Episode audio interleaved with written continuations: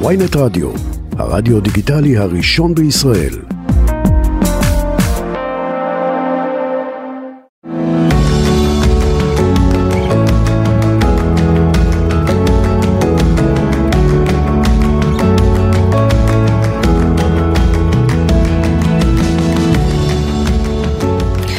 שלום לכולם, אהלן, ברוכים הבאים לעוד תוכנית של אספת הורים. תוכנית ההורות שלנו כאן בוויינט רדיו, העורכת היא ליאת מלכה, טכנאי השידור הוא סתיו בצלאלי, ואני אגר כוכבי. אז היום אנחנו אה, ככה, אנחנו עומדים לצלול לעולם הפרעות הקשב, הפעם של הורים. בתוכנית הקודמת דיברנו על הפרעות קשב וריכוז בקרב הילדים שלנו, והיום מגיע תור ההורים. אז איך זה נראה ואיך זה מרגיש ואיך מתמודדים, מה חשוב לדעת ועל מה כדאי לדבר. אה, את כל זה נעשה בעזרתו של האורח שלי שיושב כבר כאן לידי. הוא מומחה לטיפול בהפרעות קשב ובלקויות למידה. הוא מחבר הספר אל תוותרו עליי, שלום שמר ארזי. היי, צהריים טובים. צהריים טובים גם לך ותודה שהגעת שוב. כן, אני מקווה שזו לא טרחה. תודה רבה שהזמנתם אותי. שוב, כן, בשמחה רבה. אה, אז טוב, אז בוא נעשה איזושהי חזרה גנרלית כזו קלה ופשוטה. אה, ככה על המושגים, נכון? בתוכנית הקודמת הרגשנו שיש צורך לעשות סדר בעולם כזה שכל אחד אומר, יש לי הפרעת קשב ודור מופרע קשב וזו פשוט הפרעת הקשב שלי. אז עשינו סדר, נכון? מה זו הפרעת קשב? מי מאבחן ומי מטפל? בבקשה. אז אמרנו שהפרעת קשב זה הפרעה קודם כל מולדת, נוירו-התפתחותית, שאנחנו יכולים להסתכל על שני סוגים של הפרעת קשב, הפרעת קשב שנקראת לקות בקשב, שזה אותם ילדים אה, חולמניים, מה שנקרא שקופים, וילדים שהם היפראקטיביים אימפולסיביים, שיש יותר ביטוי חיצוני להתנהג, לקושי שלהם. אה, זו, זו ה-age, נכון? כן, שדיברנו עליה. זה ההיפר. כן, כן, ההיפר. כשאמרנו גם שהיום יותר אין חלוקה דיכוטומית, mm. אלא זה הכל על רצף אחד, ומסתכלים מה יותר בולט. Mm-hmm. דיברנו על הגורמים ש... רשאים לאבחן הפרעת קשב, אמרנו אה, רופא התפתחותי, רופא ילדים שעבר הכשרה, נורולוג, פסיכולוג ופסיכיאטר. פסיכיאטר, כן. אה, דיברנו על העניין של הבחנה מבדלת, שיש קשיים שנראים כמו הפרעת קשב וזה לא הפרעת קשב וצריך לבדוק קודם אם אין סיבות אחרות. Mm-hmm. כן, אני חושבת שזה, שזה מכסה את זה. כן. אז בוא נדבר על הפרעת קשב של מבוגרים. כן, איך זה נראה, איך זה מרגיש? אז קודם כל, באמת זה קצת אה, עולם לא לגמרי אחר, אבל אה, אנחנו יודעים שיש שינוי בגישה בכלל בעולם. זאת אומרת, עד לפני כך וכך שנים, אה, התייחסו להפרעת קשב כמחלת ילדות. Mm-hmm. זאת אומרת הייתה מחשבה כזאת שזה רק אה, משהו שפוגע בילדים ואחרי ההתבגרות שלהם זה עובר והיום ברור שזה לא mm-hmm. אלא יש לזה פנים וצדדים אחרים זה נראה בצורה אחרת. לדוגמה למשל נגיד אה, ילדים שהם היפרים אז אנחנו נראה את הקושי ב... באמת בצורה בהתנהגות שלהם בחוסר שקט שלהם בצורה מוטורית mm-hmm. אז אצל אנשים מבוגרים אנחנו נראה את אותו דבר אבל בצורה אחרת למשל ב... אנשים שמדברים בלי להפסיק, הם מנהלים שיחה, הם כל הזמן קוטעים את הצד השני, אה, ופחות בחלק המוטורי נגיד. זה סוג של חוסר שקט, כך זה נראה בעצם? כן. גם. גם חוסר שקט כן. וגם ובדיוק יש גם את אותו את הצד השני של זה שאותם אה, אנשים ונשים ששם אתה לא תראה את החוסר שקט אלא אתה תראה את ה... התנתקות או את הקושי להיות אה, לאורך זמן אה, איתך. Mm-hmm. זאת אומרת זה כמו ילדים זאת אומרת יש גם את העולם כן. הזה התזזיתי האימפולסיבי הקצת אה, עם מעט הפרעות בהתנהגות ויש באמת את הצד החולמני השקט המתנתק הדיסוציאטיבי ש... לגמרי, כש, כשאצל מבוגרים גם יש, יש מבוגרים שזוכרים נגיד שהם אובחנו בילדות שלהם, שזה קבוצה אחת, ויש לא מעט... בטח הצעירים שבהם, נכון? כי... יחסית כן. לדורנו, כי יחסית אליי הצעירים, לא אלייך. גם אליי, גם אליי. את עדיין צעירה, אני כבר. ויש יש את, ההור... את המבוגרים, שאו שזה בא כתוצאה מזה שהם הופכים להיות הורים, ואז הם פתאום הולכים עם הילדים לאבחון ומתחילים לשאול אותם כל מיני שאלות ואז הם פתאום אומרים אה, רגע רגע Hmm. עכשיו אני מתחיל להבין כן. או אה, כדאי שגם אני אבדוק את עצמי או כתוצאה מקושי בהתמודדות של החיים. כן. זאת אומרת, לי יוצא לפגוש הרבה מבוגרים, ואני יכול להגיד גם בעיקר יותר נשים, שלא אובחנו אף פעם, גם אף פעם לא הייתה, הסוגיה הזאת לא עלתה בכלל, אבל כן הן מרגישות שעם העומס שיש עליהן, וגם הקריירה וגם ניהול אה, חיי משפחה, הן מרגישות שמשהו פה לא עובד כמו שצריך והן משלמות על זה מחיר מאוד מאוד גדול כן. ובגלל שהנושא הופך להיות יותר מודע היום אז הם מתחילות להגיד רגע אולי באמת יש לי הפרעת קשב שאף פעם לא שמו לב אליה ולא אובחנו ועכשיו זה הזמן. כן. היית אומר שמבוגרים עם הפרעת קשב בעצם אה, לקו בה בילדות ועכשיו אובחנו, או שזה משהו שגם יכול להתפרץ פתאום באמצע החיים? הפרעת קשב לא מתפרצת סתם מהמם. אוקיי. אפשר לטעון שיש מצבי חיים מסוימים שיכולים לגרום לזה שאני פתאום הופך להיות חסר שקט. אבל יחברו, הקושי יוגדר כתוצאה מהאירוע שחולל את זה. אבל כן יכול להיות מצבים של אנשים מבוגרים עם הפרעת קשב שבגלל שהם בדרך כלל מאוד מאוד חכמים וגם חיו בסביבה שידעה איכשהו להחזיק אותם, שהם הצליחו ככה מה שנקרא להסתיר אותה, ואז פתאום זה יוצא בגיל יותר מבוגר, במיוחד כאשר יש להם שאיפות ורצונות, והם אה, נגיד הולכים ללימודים אקדמיים מאוד גבוהים, מורכבים, כן. ואז פתאום זה מתחיל לצאת. אני מבינה. היית אומר, אה, ככה פילוסופית אני שואלת, היית אומר שגם לדור הזה שלנו, לקצב המשימות, האירועים, התפקידים, המחויבויות, יש תפקיד? לדעתי אין ספק שבאמת הדור שנולד עכשיו הוא דור ש... וגם גם אנחנו, את יודעת מה? גם אנחנו חיים בחברה שהיא מאותגרת קשב. כן, אני אפילו חושבת, סליחה שאני קוטעת אותך, אפילו עכשיו, שנכנסנו לאולפן. אז נכנסנו ושמנו אוזניות, ויש מיקרופון, ויש מחשב, ויש מסך, וכל אחד מאיתנו עם הטלפון שלו, אמנם כאילו שקט, אבל לידו. אתה יודע, אני מסתכלת, יש לי פה שלושה דפים מולי, כאילו מה? ואני יושב פה ויש מולי. ואני מאובחן עם הפרעת קשב אז יש מולי אנשים שיושבים מעבר לזגוגית כן. ואני רואה אותם זזים וכל הזמן אני אומר לעצמי רגע מה הם רוצים והם מדברים איתי או הם מסמנים לי משהו. אה, אה, ליאת וסתיו להתנהג יפה בבקשה. סתם.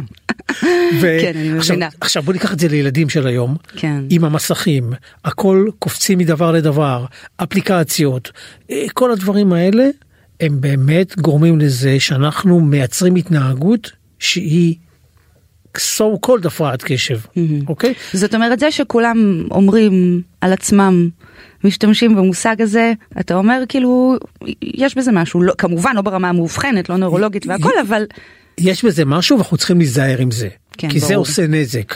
זה פוגע במי שבאמת יש לו הפרעת קשב כן. ומי שבאמת מתמודד וצריך את המענים הנכונים וככה זה כאילו יוצר איזשהו מצב שיש אנשים שאומרים שאין בכלל הפרעת קשב כאילו כל אחד יש לו איזושהי הפרעת קשב אז אין דבר כזה בכלל כן. וזה פוגע במי שבאמת מתמודד עם הקושי. אני יכולה לספר שלמשל לפני התוכנית שלחו לנו המון שאלות. שלחו לנו המון שאלות שככה מניתוח אה, שלי קשורות למשל לניהול זמן. לניהול זמן, לארגון, לתפקוד, לקצב של הדברים. אימא למשל כתבה, אני רק אקריא, אה, אני מרגישה שלוקח לי הרבה מאוד זמן לשבת על משימות בעבודה, וכשאני מגיעה הביתה אני הולכת לאיבוד עם סדר היום של הילדים, בשילוב מטלות הבית, איך אני מסדרת את הראש ומאטה קצב. השאלה הזאת היא שאלה מאוד מאוד טובה והיא גם כן, כן. היא גם היא גם אה, מאפיינת הרבה אנשים מבוגרים שהתלונה העיקרית שלהם זה באמת בהתנהלות שלהם בניהול הזמן שלהם ביכולת לתעדף דברים בלדעת לעשות הבחנה בין עיקר לטפל אה, בלא לבזבז זמן על דברים שהם מיותרים אז אם אנחנו מדברים כרגע על ניהול זמן אז אחד הדברים שמאוד אה, יכולים לעזור זה באמת תכנון מוקדם זאת אומרת לקחת את כל המשימות שיש לי. או לש... יש שם דרך אגב יש גם אפליקציות שאפשר להשתמש בהן שהן עוזרות. לניהול זמן? כן, אבל גם אפילו לקחת קודם כל לעשות רשימה mm-hmm. של דף, מה כל המשימות שיש לי לעשות היום. Mm-hmm. ולבוא ולהגיד, אוקיי, אבל בסבירות גבוהה אני לא יכולה לעשות את הכל היום, אז בוא נתעדף מה שלושת אה, הדברים הכי חשובים שאני חייב לעשות היום. כן, אבל okay? אתה אוקיי? יודע, שמר, אני מקשיבה לך וזה נשמע לי סופר הגיוני, אבל אני תוהה אם עם למבוגרים עם קשיי קשב, לקות קשב, הפרעת קשב, זאת אומרת האם זה דבר שהוא תמיד קל בכלל לא, הוא לא קל. להתגייס לכדי תכנון הזמן. לגמרי לא קל. לח... כאילו עד הר... שאתה רושם את המשימות זה גם נכון, שלב. לכן הרבה פעמים, הרבה פעמים הם צריכים איזושהי עזרה חיצונית של מישהו שיעזור להם בכלל להניע את המהלך הזה. כן. כי להגיד לבן אדם עם הפרעת קשב תשב, תעשה רשימה, תתעדב, הוא שומע את זה, נהיה לו חושב כן. בעיניים, הוא כבר כל האנרגיות יורדות. רגע שנייה, אוקיי, בוא נעשה ביחד. אוקיי? הבעיה השנייה, אחרי שכבר עשינו את זה, mm-hmm. זה איך אני עומד בזה. כי אנשים עם כן. הפרעת קשב יש להם הרבה פעמים, גם לא רק אנשים עם הפרעת קשב. אנשים מתלהבים ממשהו, יאללה, בוא נתחיל, ואז מתחיל תהליך של פיחות זוחל, ואז לאט לאט הם מפסיקים. כן. אוקיי? ופה אתה צריך הרבה פעמים את, ה, את הגורם החיצוני שיעזור לך להתנהל. אתה מדבר על התמדה בעצם? להתמדה, כן. כן, על עקביות והתמדה. אני, כן. אני בעבודה שלי גם עם ילדים וגם עם מבוגרים, חלק מהעבודה זה למשל, יכול להגיד התחלנו תהליך עכשיו, אז את צריכה לשלוח לי כל יום את התוכנית שכתבת. וואו. זה עכשיו, קשה, זה קשה לכל אחד. נכון, אבל פה כאילו בגלל, הרבה פעמים בגלל הלא נעים לי. כי אם אני אגיד לך אה, תעשי ונדבר על זה בעוד שבוע אז את יכולה בעוד שבוע ולהגיד לי תשמע לא הסתדרתי היה לי קשה אה, הילדה אה, שפעת זה וזה ינזול. אבל אם את יודעת שוואלה התחייבתי לשמר כל יום בשעה 11 לשלוח לו את התוכנית כבר לא נעים לי. כן. אוקיי ואז מתחיל. המחויבות הזו. כן ואז איזשהו מתחיל תהליך שלאט לאט זה הופך אתה כאילו הופך להיות זה הופך להיות חלק ממך. כן.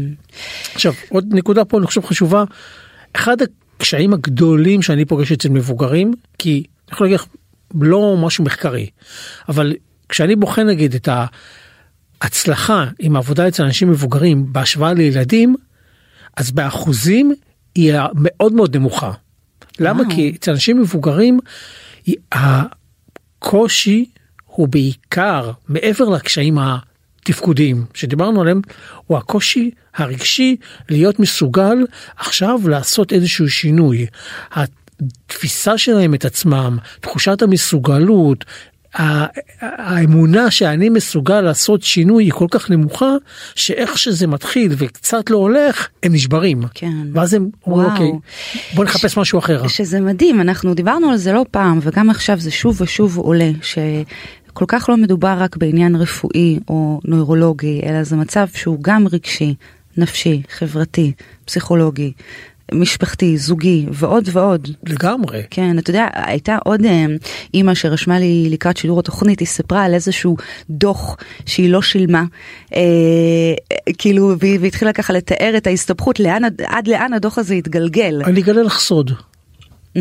אני, כאדם עם הפרעת קשב, הדבר שהכי מציל אותי ולקח לי שנים שילמתי הרבה דוחות הרבה ריבידיות זה שאני היום כל דבר כזה שאני מקבל אני עושה אותו באותו רגע באותו רגע אצל איך אני אומר אצל אנשים הפרעת קשב אחר כך לא קיים כן לא יקרה. מה זו הדחיינות הזו בעצם? הדחיינות כן. זה לא דחיינות זה לא שאני יושב ככה נגיד ואני אומר טוב לא בא לי לעשות אה, לא אלא נגיד עכשיו אני אומר קיבלתי את הדוח, אומר בסדר, אני שם אותו פה. עכשיו לא נשאר לי בזיכרון באיזשהו מקום אה, הצבעה כזאתי או איזה קול כזה שאומר לי אוקיי שמר תסיים עכשיו את המייל שאתה כותב אבל תחזור לדוח כי צריך לסגור את זה אלא זה פשוט נמחק לי נמחק נמחק זה כאילו לא קיים וואו. פשוט ואז וואו. או שמישהו חיצוני שואל אותי אשתי אומרת לי תגיד לי מה עם הזה או שאני מקבל את ההתראה או שאני צריך לשלם עכשיו את הקנס. כן. אוקיי? לכן אני, באמת, ככה אני חי, ובסביבה שלי לפעמים כבר לא...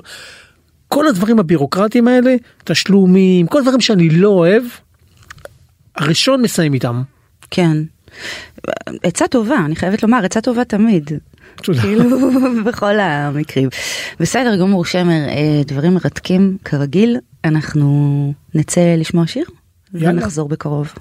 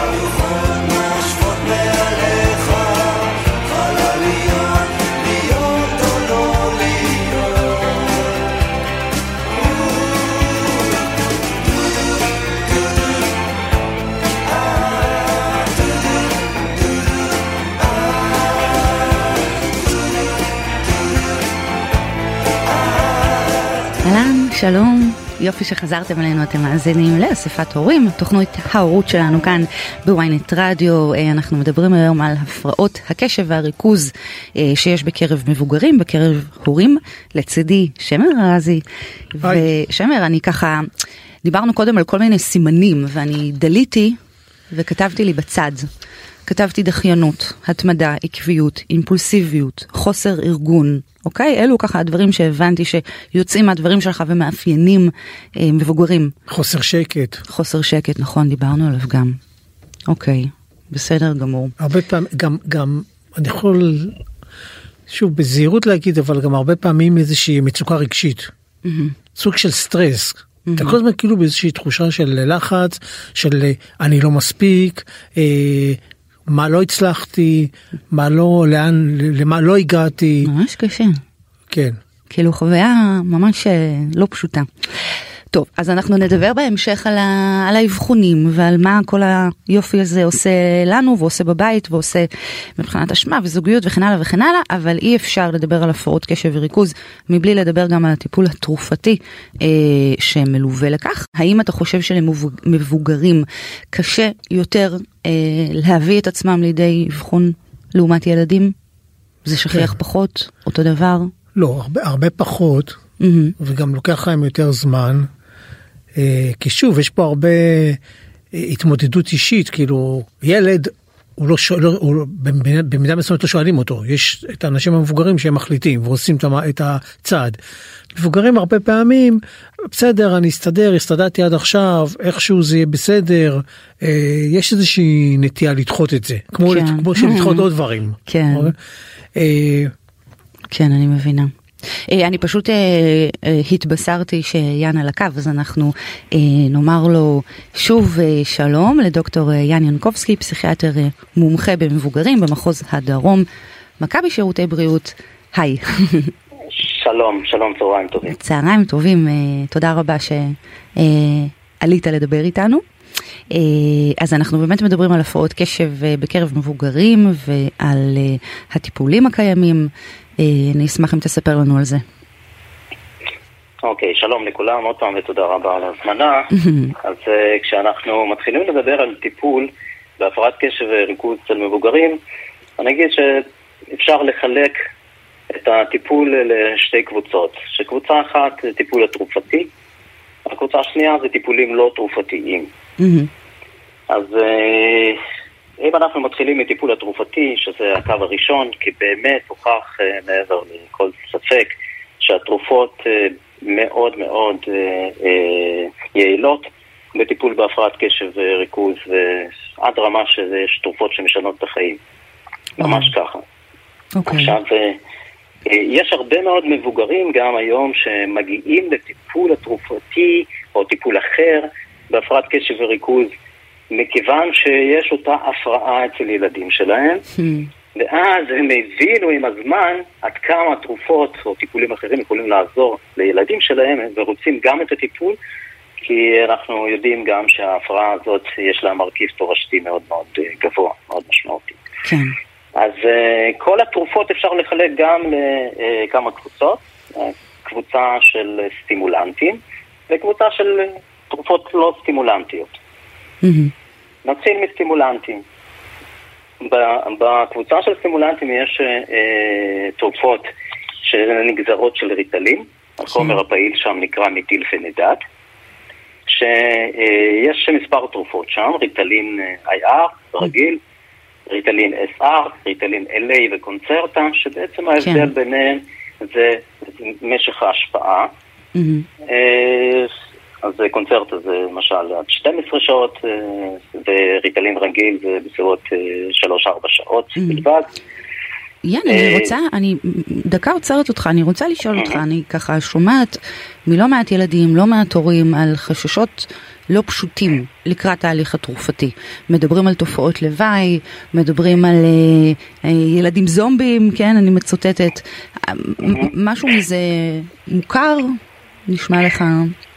אה, כמובן, זה משהו שמוכר. אה, אני חייב להגיד שגם לתרופות להפרעת קשב וריכוז, כמו לכל תרופות אחרות, יש כמובן תופעות לוואי אפשריות. אבל אה, אני חושב שהטיפול טוב זה טיפול שמותאם באופן אישי למטופל. והיום יש לא מעט תכשירים שאפשר בעצם להתאים לבן אדם, אפילו אם יש תופעות לוואי קלות. אה, תופעות לוואי האלו לפעמים אה, חולפות כן. אה, חיש מהר בתחילת הטיפול, וכשאנחנו מנסים למצוא שביל הזהב בין יעילות של הטיפול לבין תופעות לוואי שלהם, אז אה, חשוב באמת לקחת בחשבון שיש לנו הרבה אופציות טיפוליות שונות, וקצת אה, לעשות מאמץ Mhm. בכל זאת להתאים את התרופה. יאן, אתה יכול לספר לנו קצת על החלק השני, דווקא על הטיפול הלא תרופתי? כן, החלק הלא תרופתי, אה, אני בעיקר מדבר על אה, אה, טיפול קוגניטיבי התנהגותי, שגם מקובל בהפרעת קשב וריכוז. זה טיפול שעובד על שני חלקים, אחד, קצת שינוי ב... בחשיבה, בתפיסות הקוגניטיביות, כי אנשים, ילדים וגם מבוגרים, עם הפרעת קשב וריכוז הם נוטים הרבה להסתובב בעצם עם אמונות אה, כלפי עצמם ו- וכלפי העולם, שהן אמונות אה, אה, שליליות. כן, דימוי עצמי, ערך עצמי, תחושת מסוגלות. נכון, נכון, כן. וכדאי באמת לעשות שם גם התערבות, במיוחד שיש אפשרות לשנות את זה ולשפר את החלקים שלהם, אז גם לשנות Mhm. את התפיסה העצמית. כן. וטיפול, גם טיפול חינוכי והדרכה, שאנחנו מסבירים פשוט למטופלים, וכדאי להשקיע בזה גם, ש, אה, שמדובר באמת בהפרעה, כן. שיש לה הסבר מסוים, ויש גם דרכי טיפול. כן. ולנסות להפוך את המטופל לשותף שלך בטיפול. Hmm, יפה, בסדר שזה- גמור. שזה נורא נורא חשוב, ולצערי יש אה, לא מעט, אני אומר עכשיו ביקורת עצמית כזו, שאנחנו לא כולנו משקיעים בזה אה, מכל מיני אילוצים, אילוצי הזמן ולחץ וכולי, כן. לא כל כך יושבים איזה חמש דקות נוספות ומסבירים למטופל מה אנחנו יכולים לעזור לו, להרגיע אותו גם מבחינת תופעות לוואי, שזה אפילו אם יש זה הפיך, ויש אפשרות אה, לעבור לתרופות אחרות או לטיפולים אחרים. יש אה, הדרכת הורים וטיפול זוגי גם, כי הפרעת אה, קשב וריכוז היא פוגעת אה, הרבה מאוד גם כן. באספקטים אחרים של התפקוד. בטח. לא רק לימודים ועבודה, אלא גם זוגיות, אה, כן. אספקטים חברתיים. זה ו- נורא חשוב. כן, ובאמת כשאנחנו בדרך כלל כשאנחנו מדברים על הפרעות קשב בקרב ילדים אנחנו מדברים על בית הספר והחברים והיציאות ועל הכל, אבל איכשהו אצל המבוגרים זה כאילו באמת מדברים בעיקר על עבודה, כן, עבודה ולימודים, אז זה יפה שאתה מצביע גם על, ה, על ההשלכות וההשפעות האחרות שיש להפרעת אה, קשב, אה, ואני רוצה ממש אה, להודות לך. אה, על הדברים. האלו. דוקטור יאן. ינקובסקי, אה, המון המון תודה לך, פסיכיאטר אה, מומחה במבוגרים במחוז הדרום, מכבי שירותי בריאות, תודה. תודה רבה. שמר, אני רוצה לומר, בדרך כלל כשאנחנו מדברים עם רופאים, וגם בתוכנית הקודמת, נתנו לנו ככה את המשנה התרופתית. והנה יאן דיבר גם על הטיפול הקוגניטיבי, הדרכתי, חינוכי, שהוא לא עולה בדרך כלל בשיח בהקשר כזה של מבוגרים. או שאני, לא יודעת, לא, לא מכירה את השיח מספיק טוב. אבל מה אתה אומר על העניין קודם כל הזה? אני מאוד מאוד שמחתי לשמוע אותו כן, ואת הגישה שלו שבאמת אה, בסוף טיפול נכון הוא טיפול רב מערכתי. זאת אומרת לא רק תרופה או לא רק משהו אחר הם מה שיעשו את ההבדל אלא אתה צריך פה איזשהו שילוב של אה, אמצעים כדי באמת לתת מענה נכון. כן. שהוא צריך להיות גם גם אה, טיפול תרופתי אבל לא פחות טיפול התנהגותי אצל ילדים זה הדרכה הורית אצל מבוגרים זה טיפול אה, זוגי כן, אז- אפילו בז- לפני הקורונה אפילו אני לא הצלחתי להוציא את זה לפועל אבל עשיתי כתבתי סדנה סדנה מאוד קצרה של כמה שעות לזוגות אפילו לפני נישואין שאחד מבני הזוג יש לו הפרעת קשב. כי הרבה פעמים מה שקורה זה שאנחנו מתאהבים בהתחלה והכל נראה לנו נחמד וגם במרכאות השטויות שהצד השני עושה נראים לנו הכי מגניבים שבעולם. כן, חמודי כזה. חמודי כן. ואז אנחנו מתחילים לחיות ביחד ופתאום אנחנו מתחילים לראות כל מיני דברים שאנחנו לא מבינים אותם. נכון. איך אתה לא משלם חשבונות? איך את לא קמה בבוקר? איך את שוכחת? כן, ו- ממש. ו- וזה כבר מתחיל ל- יכול לה- להרוס חיים שלמים. כן. וכשבהתחלה באים ואומרים אוקיי בוא נבין מה זה איך זה בא לידי ביטוי עניין של תקשורת יש פה תקשורת אחרת אה, להבין רגישויות מסוימות אה, איך לעזור איך גם לבוא ולהגיד עד לפה כן. אז אלה חלקים שהם מאוד מאוד משמעותיים בהתמודדות של אנשים מבוגרים אני חייבת לומר שזה נשמע מורכב מאוד. כן כן. אבל זה אפשרי אבל זה אפשרי. חייבים לומר שזה אפשרי. אה, דיברנו על הזוגיות, תכף נרחיב, אבל אני רוצה להקריא לך משהו שאימא כתבה. לנו. היא כתבה לי כך, זו לא ממש שאלה אלא יותר שיתוף, אני אימא לשני בנים, אחד בגן, אחד ביסודי, מאובחנת עם הפרעת קשב כשלוש שנים, אה, לצד הטיפול התרופתי עדיין יש הרבה מאוד חוסר סדר וארגון בחיים שלי. היא כותבת, אני מסתכלת על אמהות אחרות, למשל בוועד, שמתקתקות הכל, רגע שאלה. כן. טיפול תרופתי של מי? של האמא או של הילדים? של האימא. האימא מאובחנת והיא מקבלת תרופות, אוקיי אבל היא מספרת שלצד זה יש לה עדיין ממש חוסר סדר בחיים, והיא מסתכלת על אימהות אחרות, ואה, אוקיי, אין שאלה שאני אוהבת את הילדים שלי יותר מהכל, אבל הרבה פעמים אני גם מרגישה אימא לא מספיק טובה. זאת אומרת, יש לנו את הדימוי, אתה יודע, של האימא התקתקנית, הבלבוסטה, יודעת, רושמת, עושה, זוכרת הודעות וכן הלאה, ו... ויש אימא עם הפרעת קשב.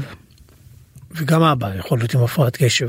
לא, לא, כמובן, כמובן, אני מדברת והתחושה- במקרה הזה, כן. אני לגמרי יכול להזדהות עם התחושה שלה שהיא באמת תחושה של אה, קודם כל יש פה איזשהו סוג של תחושה של אשמה. אה, במיוחד אם אתה בעצמך בן אדם עם הפרעת קשב מודע אז אתה מסתכל על הילדים שלך אתה רואה את עצמך ואתה אומר "מ, כמה אני תרמתי לזה כן. וגם באמת בהתנהלות. אומרת יש פה קושי כפול זה גם הקושי שאני צריך עכשיו מצופה ממני אני ההורה אני צריך לנהל פה משפחה אני צריך לנהל פה ילדים סדר יום וגם הקושי האישי הפרטי שלי לנהל את עצמי. ושני הדברים האלה ביחד הם באמת יוצרים כל הזמן איזושהי תחושה של רגשות אשם. כן. אז גם זה בדיוק הדוגמה המצוינת לזה שזה שהיא לוקחת טיפול תרופתי זה מצוין אבל זה לא מספיק. כן. כי גם פה צריך איזושהי עבודה על איך אני מקבל את, ה, את עצמי ואת המצב ולא נשאר גם רק בקבלה אלא איך אני עכשיו לומד לפעול אחרת שיסייע גם לי באופן אישי אבל ויסייע לי גם בלנהל את, ה, את כל האופרציה ואת כל המשפחה שאני צריך לנהל אותה. כן, וואי, זה, אני ממש, אתה יודע, עכשיו חושבת על זה ועל תחושות האשמה באמת כבדות שמצב כזה יכול לייצר. איפה זה פוגש לזה- את הילדים? איפה זה פוגש או אפילו פוגע בילדים שהם...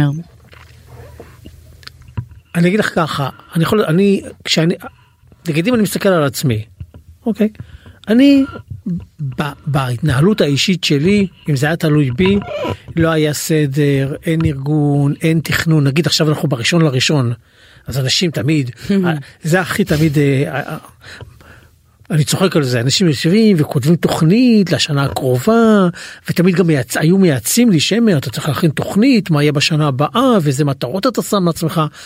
עכשיו אני אה, מסתכל וכזה עוסק עם הראש מהנהן כן כן כן אבל בפנוכו זה כאילו אתם לא מבינים כאילו העולם שלי לא לא בנוי ככה. כן. עכשיו לא שאני אומר שזה טוב או רע אלא. ודרך אגב לקח לי הרבה שנים לקבל את זה להגיע לה- להכרה שהמוח שלי הנפש שלי לא פועלת ככה. כן. עכשיו אחת ההחלטות הראשונות שקיבלתי כשהפכתי להיות אבא זה שאני הבנתי שאני לא יכול להרשות לעצמי להתנהל כמו שאני הייתי רוצה להתנהל. כן. למה? כי יש לי פה אחריות. ואני חייב פה לייצר איזושהי התנהלות אחרת שתעזור לילדים שלי לגדול בצורה אחרת ממה שאני גדלתי. כן. איך אני אומר?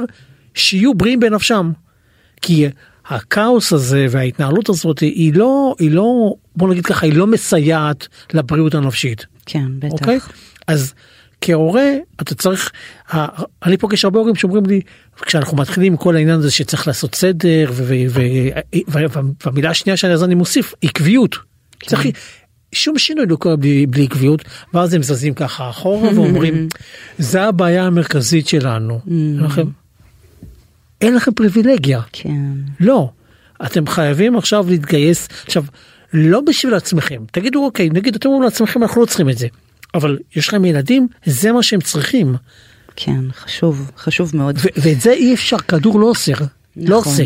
נכון. פה אתה צריך להתגייס ולהבין שיש פה עבודה סזיפית כן אין שאף אחד לא יאפה את המציאות. זה לקום כל בוקר וזה אותו דבר תצחצח שיניים תתלבש תאכל והתיק והוויכוחים ולצאת בדיוק בשנייה שצריך לצאת ואתה עושה ככה עוד יום כן, מתחיל. עוד יום, עוד יום לעבור. אבל יש פה גם תקווה. כי כשאתה עושה את זה עוד פעם ועוד פעם ועוד פעם, אז מגיע רגע שלא את ולא אני לא יודעים להצביע מתי הוא יגיע, אבל הוא מגיע. שבו אתה מסתכל ואתה אומר, או, זה חלחל, זה נכנס, זה פתאום קורה, פתאום אתה כבר לא צריך, דרך אגב זה השלב הקשה של ההורים, לבוא ולהגיד רגע אני, צריך, אני יכול לקחת רגע אה, צעד אחורה, כי זה בעיה אחרת שבעיקר בגילאים אה, בגילאי התבגרות בגילאים האלה שהילדים רוצים את החופש אבל ההורה כבר רגיל להחזיק את המושכות הוא אומר לא לא אני, אני פוחד לשחרר לא וצריך גם את זה ללמוד איך לשחרר. וואו. אוקיי? אז כן זה זה כאילו אתה כל יום. יש לך מר...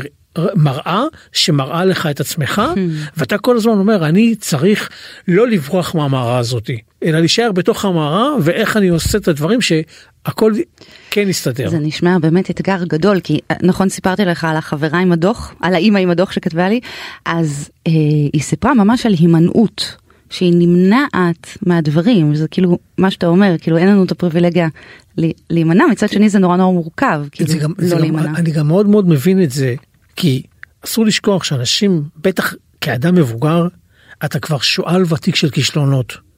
התחושה שאני אצליח זה לא obvious. וואו. עד היום אני יכול להגיד לך היום עד היום ובאמת בצניעות כבר עשיתי הרבה דברים ואנשים מריעים ובלה בלה בלה זה לא באמת חודר פנימה כאילו אצלי בפנים זה שהצלחתי זה לא מובן מאליו אני צריך כן. כל הזמן את ההדהוד הזה כן כאילו באמת זה היה בסדר? באמת מה שכתבתי על ה... זה טוב? מה כן. שאמרתי? אתה חושב שזה חוסר ביטחון שפשוט מלווה מפעם?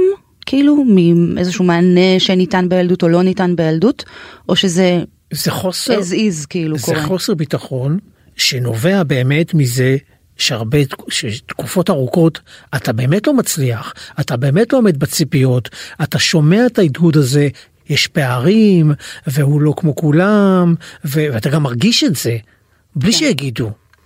בסדר גמור שמר אנחנו נצא להפסקה מה זה קצרה ומיד נחזור. עכשיו בוויינט רדיו אספת הורים עם הגר כוכבי. היי, אהלן, תודה שחזרתם אלינו, אנחנו כאן באספת הורים, מדברים על הפרעות קשב וריכוז אה, בקרב אה, מבוגרים.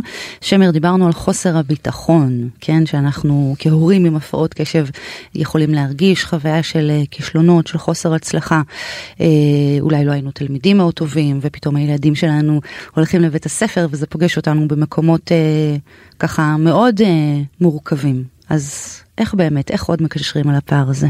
אז אני חושב שבאמת קל להגיד את זה אבל קשה לעשות את זה שאחד הדברים שאנחנו צריכים כהורים ובטח כהורים עם, אה, עם הפרעת קשב בעצמם זה כל הזמן לפתח את התחושה הזאת של אני מסוגל.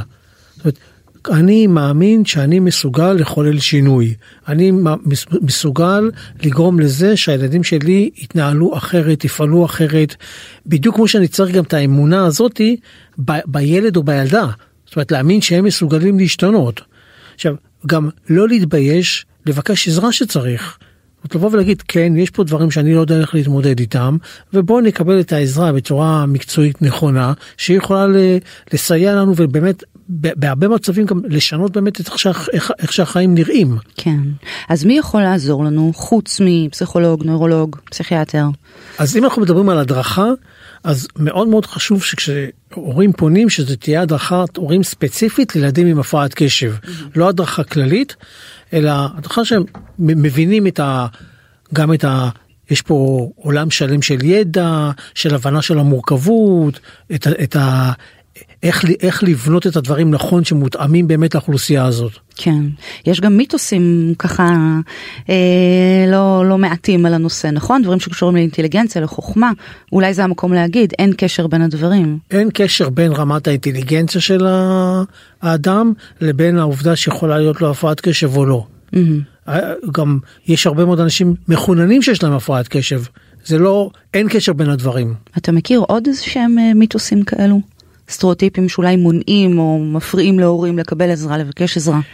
בוא נגיד, אם אנחנו מסתכלים על מבוגרים, אז אתה, אני יכול לדמיין לעצמי שהם שמעו בחלק מהמקרים את ה... זה, "אה, אתה סתם עצלן, אתה לא מתעצל, אה, זה הכל תלוי בך, למה אתה לא, למה אתה לא מתאמץ, אם רק היית רוצה, אם רק היית עושה, והרבה פעמים יש תפיסה של, באמת, זה עניין של כוח רצון. אם... אה, וואו, אני לא מאמינה. זה... תראה, אנחנו בעידן כזה שבו המודעות היא הרבה יותר גדולה. להפך, יש איזושהי זילות ככה בשימוש במושגים הפרעת קשב והפרעת קשב. זה מאוד מפתיע שעדיין יש את אותם אה, סטריאוטיפים ואותן סטיגמות. כאילו זה עניין של פוטנציאל, אם תרצה אתה יכול, אתה רק צריך לשבת, אתה צריך, להש... צריך להשקיע. אפרופו הורים, כן. אפרופו הורים, אני רוצה לחדד פה נקודה. אני פוגש, יוצא לי לפגוש הורים, שנגיד כשאחד מה, מההורים הוא בעצמו הפרעת קשב והוא לא מודע לזה, אז האנטגוניזם שלו הוא אפילו הרבה יותר גדול, הוא, או, או גם הורים שכן מודעים, הוא אומר, אני בעצמי הצלחתי, הנה, אז גם הילד או הילדה האלה יכולים, שיתאמצו, כאילו זה כן. לא, תפסיקו, ל- תפסיקו לפנק אותם, תפסיקו לרחם עליהם, תפסיקו לוותר. עכשיו, זה נכון, זה שיש לי הפרעת קשב לא צריך לרחם עליי לא צריך לוותר לי לא, אבל, אבל גם לא צריך לוותר עליי. Hmm, וצריך להבין שיש אני ולי יש קושי שקוראים לו הפרעת קשב.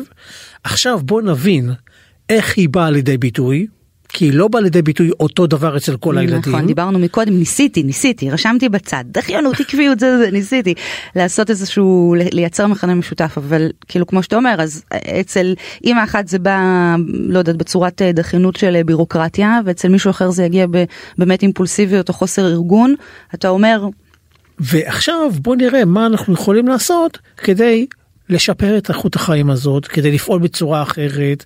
אז כן, נדרש מהבן אדם, מה- במיוחד אנחנו מדברים עכשיו מבוגרים, נדרש מהאדם הבוגר עם הפרעת הקשב לקחת אחריות על עצמו ולהגיד אוקיי, אני מבין שיש לי קושי ואני מוכן באמת לקבל את העזרה ולהתגייס לתהליך הזה. אוקיי? כן, שהוא באמת יכול אה, לשנות אה, הרבה מאוד בחיים. לגמרי.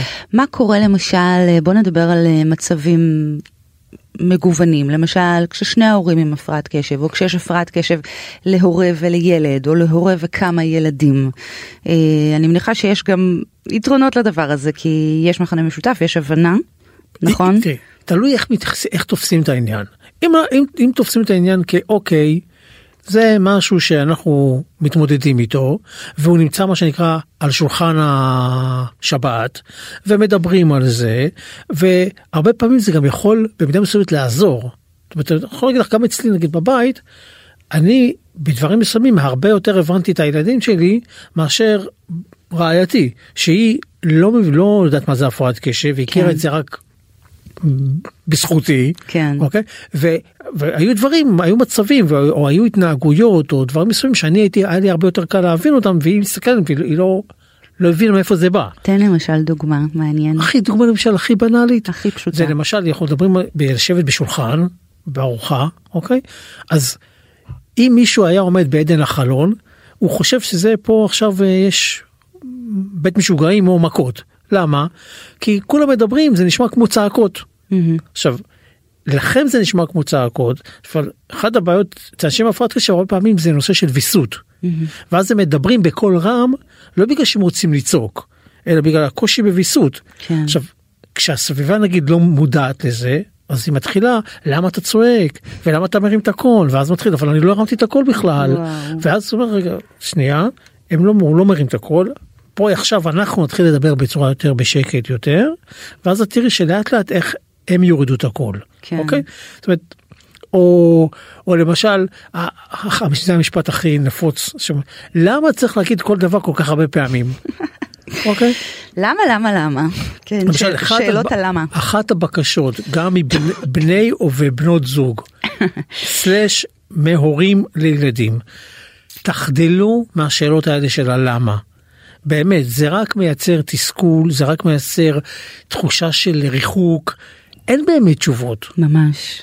ממש, ממש, כאילו למה לא, זה כמו שבן זוג שלי שאל את הבת שלי למה, למה לא לקחת מפתח לבית ספר עכשיו, כאילו, למה לא לקחת את המפתח לבית ספר, זו שאלה, זאת אומרת, אני איזה- איזה תשובה.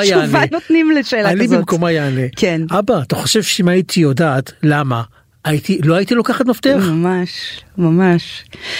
שמר, אני, דיברנו קצת על איך הפרעת קשב של הורים משפיעה על הילדים, אבל אני, אני רוצה לשמוע על זה עוד קצת, אם זה בסדר. עוד, איפה זה פגש את הילדים? בבתי הספר, בחוגים, בחיי החברה. איך זה פוגש את הילדים? כן, איך זה משפיע עליהם? שוב, זה משפיע בכל מעגלי החיים. כן. עכשיו, גם זה, יש ילדים שדרך אגב, בהיבט החברתי זה לא כל כך פוגע בהם. הם יכולים להיות אפילו מובילים חברתית ויש ילדים אחרים שזה מאוד פוגע בהם בהיבט החברתי. אה, יש ילדים שבלימודים עצמם הם איכשהו מסתדרים אבל בכל מה שקשור מסביב זה באמת קשה מאוד לבוא ולהגיד זה לכולם זה אותו דבר זה שונה זה מאוד כן, אינדיבידואלי כן. אבל בגדול אפשר לבוא ולהגיד שכן הפרעת קשב בטח כשהיא לא מקבלת מענה נכון. היא משפיעה על כל מעגלי החיים שלי והיא מייצרת לי סאב בעיות. בטח. כאילו איך זה יכול, איך זה למשל משפיע על ענייני קריירה? שאלו אותנו, הנה אני עכשיו פה, למשל- אעלה שאלה, אח- שאלו אני אגיד לך, כן, האם החלפת קריירה לעיתים תכופות יכולה להיות קשורה להפרעות קשב וריכוז? אה, לגמרי. כן. דרך אגב לא מזמן לפני מספר חודשים התפרסם מחקר שהראה שאחוז היזמים והסטארטאפיסטים בקרב אנשים עם הפרעת קשב הוא הרבה יותר גבוה מאשר מכלל האוכלוסייה. ואז הם ניתחו את הסיבות למה אז יש שם כמה דברים. אחד מאוד מעניין שהרבה אנשים עם הפרעות קשב יש להם גם בעיות שינה ואז הם עובדים בלילה ויש, ו- וזה תנאים מאוד טובים להם, יש להם את השקט. הדבר השני זה סביבת העבודה, שהדברים, למשל אנשים עם הפרעת קשב מאוד קשה בסביבה שהיא מאוד מרובעת. כן, מקובעת כזאת. מקובעת. כן. הם צריכים את ה... לכן גם, דרך אגב, באדם עם הפרעת קשב, כשהוא מודע, הוא גם צריך למצוא תחום העיסוק שלו שמתאים להפרעת קשב. הוא יתקשה להיות פקיד בבנק. מה, כאילו בגלל ה-8, 9, 10 שעות מול המסך למשל, מול המחשב? אני צריך לעשות דברים שיש בהם גם איזשהו משהו קצת דינמי. כן, אז למשל, השתנות. יהיה להם קשה מאוד להיות QA, אבל לנהל למשל אנשים, יהיה להם יחסית יותר טוב. או הם צריכים כל הזמן איזשהו אה, איזון, איזון חוזר כזה. אנשי מכירות, אנשי כן. שיווק, יהיו מאוד מאוד טובים. מהמם. יש מקצועות שככה מהניסיון שלך אנחנו לא חלילה רוצים לומר למישהו כאילו לא, לא, במה לא לא- לעבוד חלילה אבל משהו שאתה יודע שהוא ככה בעיקר קשה להורים עם הפרעות קשב. לאנשים עם הפרעת קשב יהיה קשה לדעתי עבודות שהן עבודות מונוטוניות. מונוטוניות. שחוזרות על עצמם, שאין אה, אין בהם איזשהו ריגוש. עכשיו זה שוב, זה חוזר לעניין גם האינדיבידואלי. יש אנשים עם הפרעת קשב שהם תכליתנים, שישבו ויכתבו קוד שבע שעות ביום בכיף גדול, כן. אוקיי? כי גם פה נכנס העניין, האם הנושא הוא מעניין אותי או לא מעניין אותי. כן. אתה יודע שמר, אני לוקחת מהתוכנית היום, מהשיחה, אני לוקחת את העניין הפרסונלי. זאת אומרת, אנחנו כל הזמן מנסים לקחת תופעות, לדבר עליהן להכליל. 360 בדיוק ולהכליל ולמצוא מכנה משותף, כדי שכל אחד ככה יבין את הדבר ויוכל למצוא את עצמו בו. והיום אני מבינה ככה יותר מתמיד כמה שהפרעת הקשב היא אישית. היא לא תמיד נראית אותו דבר, היא לא מרגישה אותו דבר, והיא עדיין כמובן הפרעת קשב. אני. חושב, אני חושב גם שלא צריך צריך להשקיע יותר דיבור ושיח לגבי אנשים מבוגרים באמת בשוק העבודה.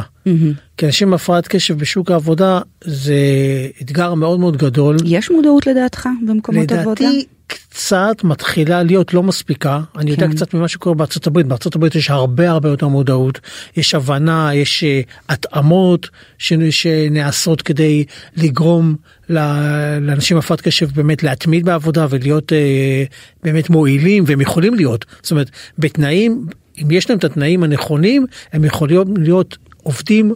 סופר מוצלחים הם יכולים להביא תפוקה הרבה יותר גדולה מעובדים אחרים. כן. מצד שני המחקרים מראים להם שלמשל היעדרות מעבודה ימי מחלה אה, מעברים בין עבודה לעבודה פיטורין אה, קשיים נגיד מבחינת אה, קולגות כן. אה, הם הרבה יותר מאשר אצל אנשים עם הפרעת קשב מאשר כלל האוכלוסייה כן. ועוד לא דיברנו גם על זוגיות בוא נדבר, יש לנו ממש אה, דקות אחרונות, אבל זה יש לנו כמובן... עוד אפשר לעשות עוד אה, ג' ד' ה' ו', כן. כמו הפינה. כן, זה. רוצה פינה אגב? אולי נעשה שוב את הפינה. זאת אומרת, ברור, נעשה, לא נוותר. מאלף ועד תו, לקסיקון ההורות הגדול. אתה זוכר, נכון? אני אומרת א', ואני. אומר סטופ ואתה אומר סטופ. אוקיי. יאללה, אני מתחילה.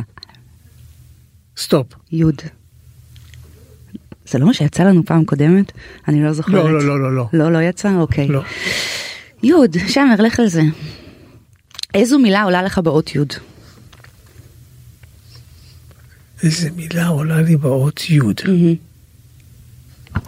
מהר, מהר, בלי לחשוב. אמ, יכול. יכול. מושלם. אני חושב שזה צריכה להיות מנטרה כל יום לקום בבוקר ולהגיד, להגיד לעצמנו אנחנו יכולים. אני יכול. כן. לי עלתה בראש המילה ידיעה. ידיעה, כאילו, דע את עצמך. אתה יודע, לדעת, להכיר, לקבל, עם כל הקלות ועם כל המורכבות.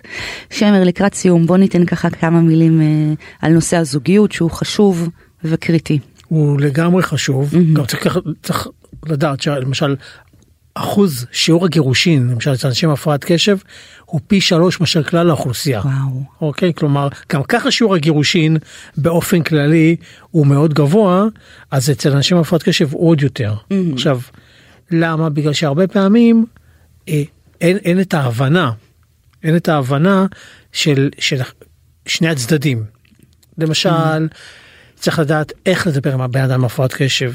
זאת אומרת עכשיו מה שאני אגיד גם אה, הרבה פעמים נשים אומרות זה מתאים לכל הגברים. אבל בן אדם הפרעת קשב צריך לדבר איתו קצר ולעניין ממוקד. גם גם צריך בעיניי אבל זה גם זה, זה גם כן משהו כללי אבל אני כן חושב שמאפיין אנשים עם הפרעת קשב זה גם לדעת מתי לדבר.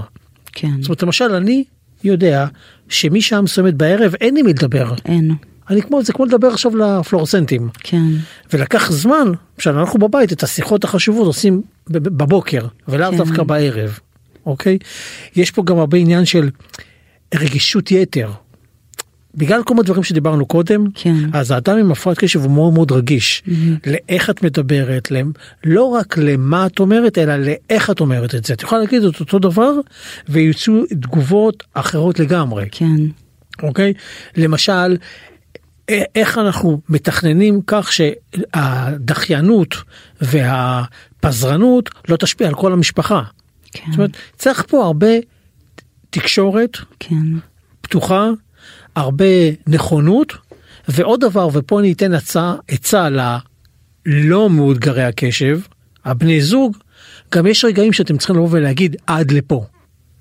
לדעת לבוא ולשים את הגבולות ולא לאפשר לי האדם עם הפרעת קשב את התחושה שאני יכול לעשות מה שאני רוצה מתי שאני רוצה ואתם תקבלו את זה. כן, או להתנתק לי פתאום לאיזה חמש שעות כן. בגינה ו... לא זה בסדר שאתה בא ואתה אומר אוקיי עכשיו אני כועס אני צריך את הזמן שלי ללכת להירגע אבל זה לא out of blue כזה קורה פתאום. כן. וואו, בסדר. גמור, יש עוד מלא, מלא מלא מלא, איי איי איי. טוב, אה, אבל הגענו לסיום התוכנית, אז שמר ארזי, אני רוצה מה זה להודות לך אה, על אה, דבריך. לא שאתם מזמינים אותי. ברור. ואני רוצה לומר גם ככה, קודם כל תודה לליאת מלכה עורכת התוכנית, ותודה לסתיו בצלאלי טכנאי השידור. תודה לכל ההורים ששולחים לנו שאלות ורעיונות ותגובות וסיפורים ושיתופים, באמת זה פשוט תענוג לקרוא את זה, אז תודה רבה לכם, תמשיכו לעשות את זה לכתובת המייל אה, הגר מקף. k-ynet.co.il. אה, תודה גם למי שעלה אה, לשידור, וניפרד עם שיר שהרגיש לי מתאים. אה, הוא נקרא סהרה, נכון? של יסמין מועלם וטונה. היא שרה, היא שואלת, איפה הראש שלי? כל מקום, היא חיפשה, חיפשה, איפה הראש שלי? תודה רבה לכם, ניפגש בתוכנית הבאה. היי, חיפשתי כבר בכל מדבר, בסהרה, אני לא מוצא את הראש שלי.